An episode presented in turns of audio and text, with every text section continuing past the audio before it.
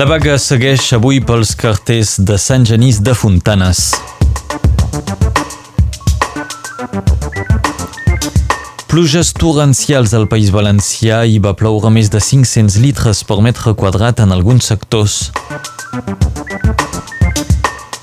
I els esports, l'USAP i els Dracs jugaran aquell vespre. És el darrer maig pels Dracs d'aquesta temporada.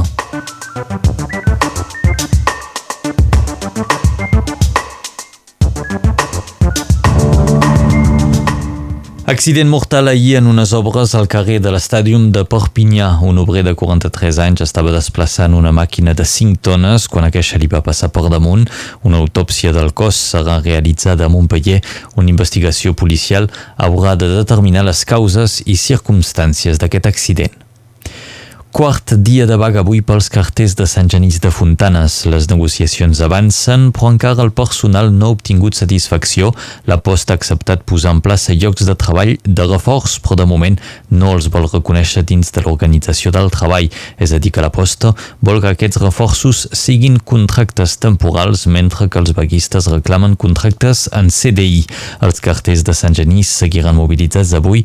Una nova reunió amb la direcció de la posta és prevista durant la jornada jornada. Dimecres va tenir lloc una quarta reunió del grup de treball sobre el tren de mercaderies entre els mercats Sant Carles i Rangis.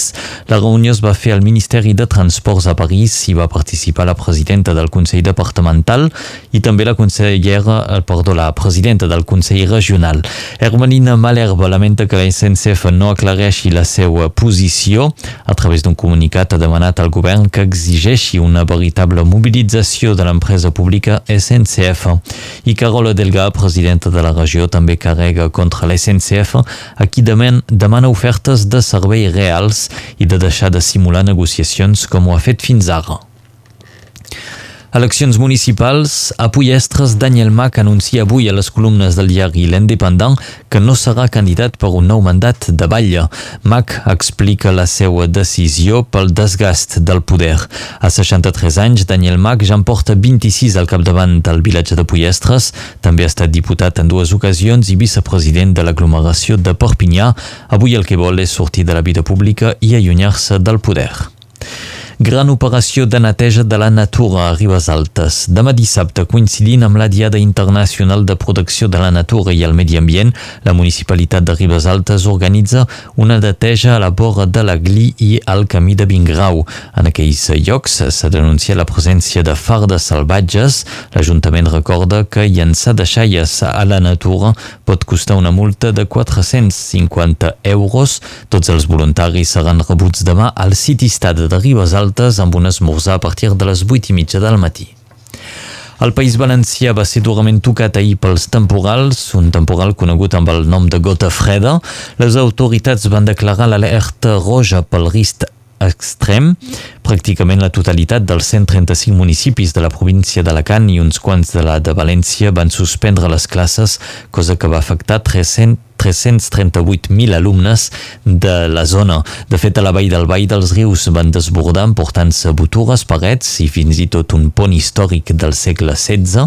Ha estat a Planes, al comtat, on va caure més aigua, més de 500 litres per metre quadrat en només 24 hores.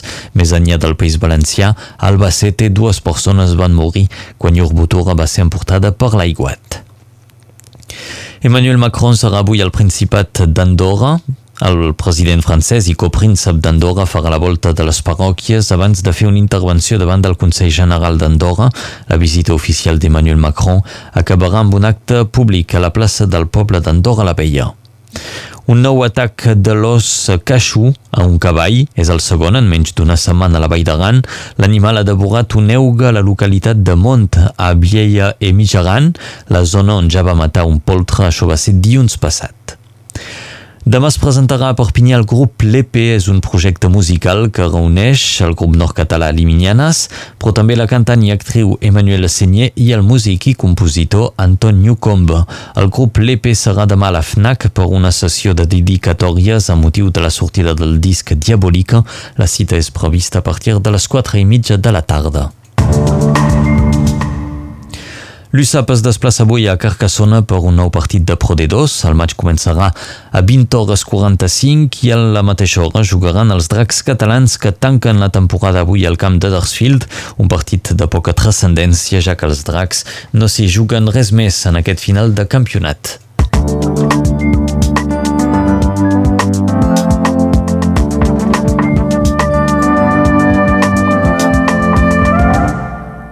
Passem ara a la informació del temps.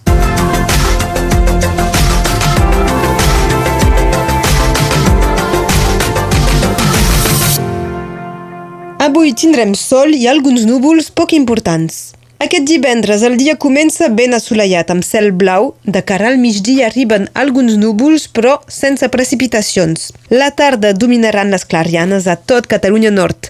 Pel que fa al vent, és fluix i de direcció variable. Tramuntant al matí i marinada a la tarda, però sense passar dels 15 km per hora. Les temperatures són semblants a les d'ahir, amb unes màximes de 30 graus a Serret, al Bolú i Talteui, 29 a Salses i Toluges, 28 graus del banc del Tec i Deus, 27 a Alanyà, Torreies i Mosset, 26 a Prats de Molló i Tues entre Valls, 25 graus a la Guingueta d'Ix, 24 del banc d'Aigua Tèbia, 23 a Matamala i 22 graus de màxima a Montlluís, Fondromeu i Portep i. Al llarg dels darrers 120 anys, 9 vegades, el 13 de setembre, s'han superat els 30 graus a Ribes Altes, una sola vegada entre el 1900 i 1950, 5 entre 1950 i l'any 2000 i 3 els darrers 16 anys. Aquest divendres és un dia d'apogea lunar i es desaconsella de treballar a l'hort. Demà serà lluna plena. El sol es pondrà aquest vespre a les 8 i 2 minuts, després de 12 hores i 36 minuts de presència. Un dia com avui de l'any 1923 va tenir lloc el cop d'estat de Primo de Rivera que va suspendre la Constitució espanyola i va instaurar la dictadura que duraria fins l'any 1930.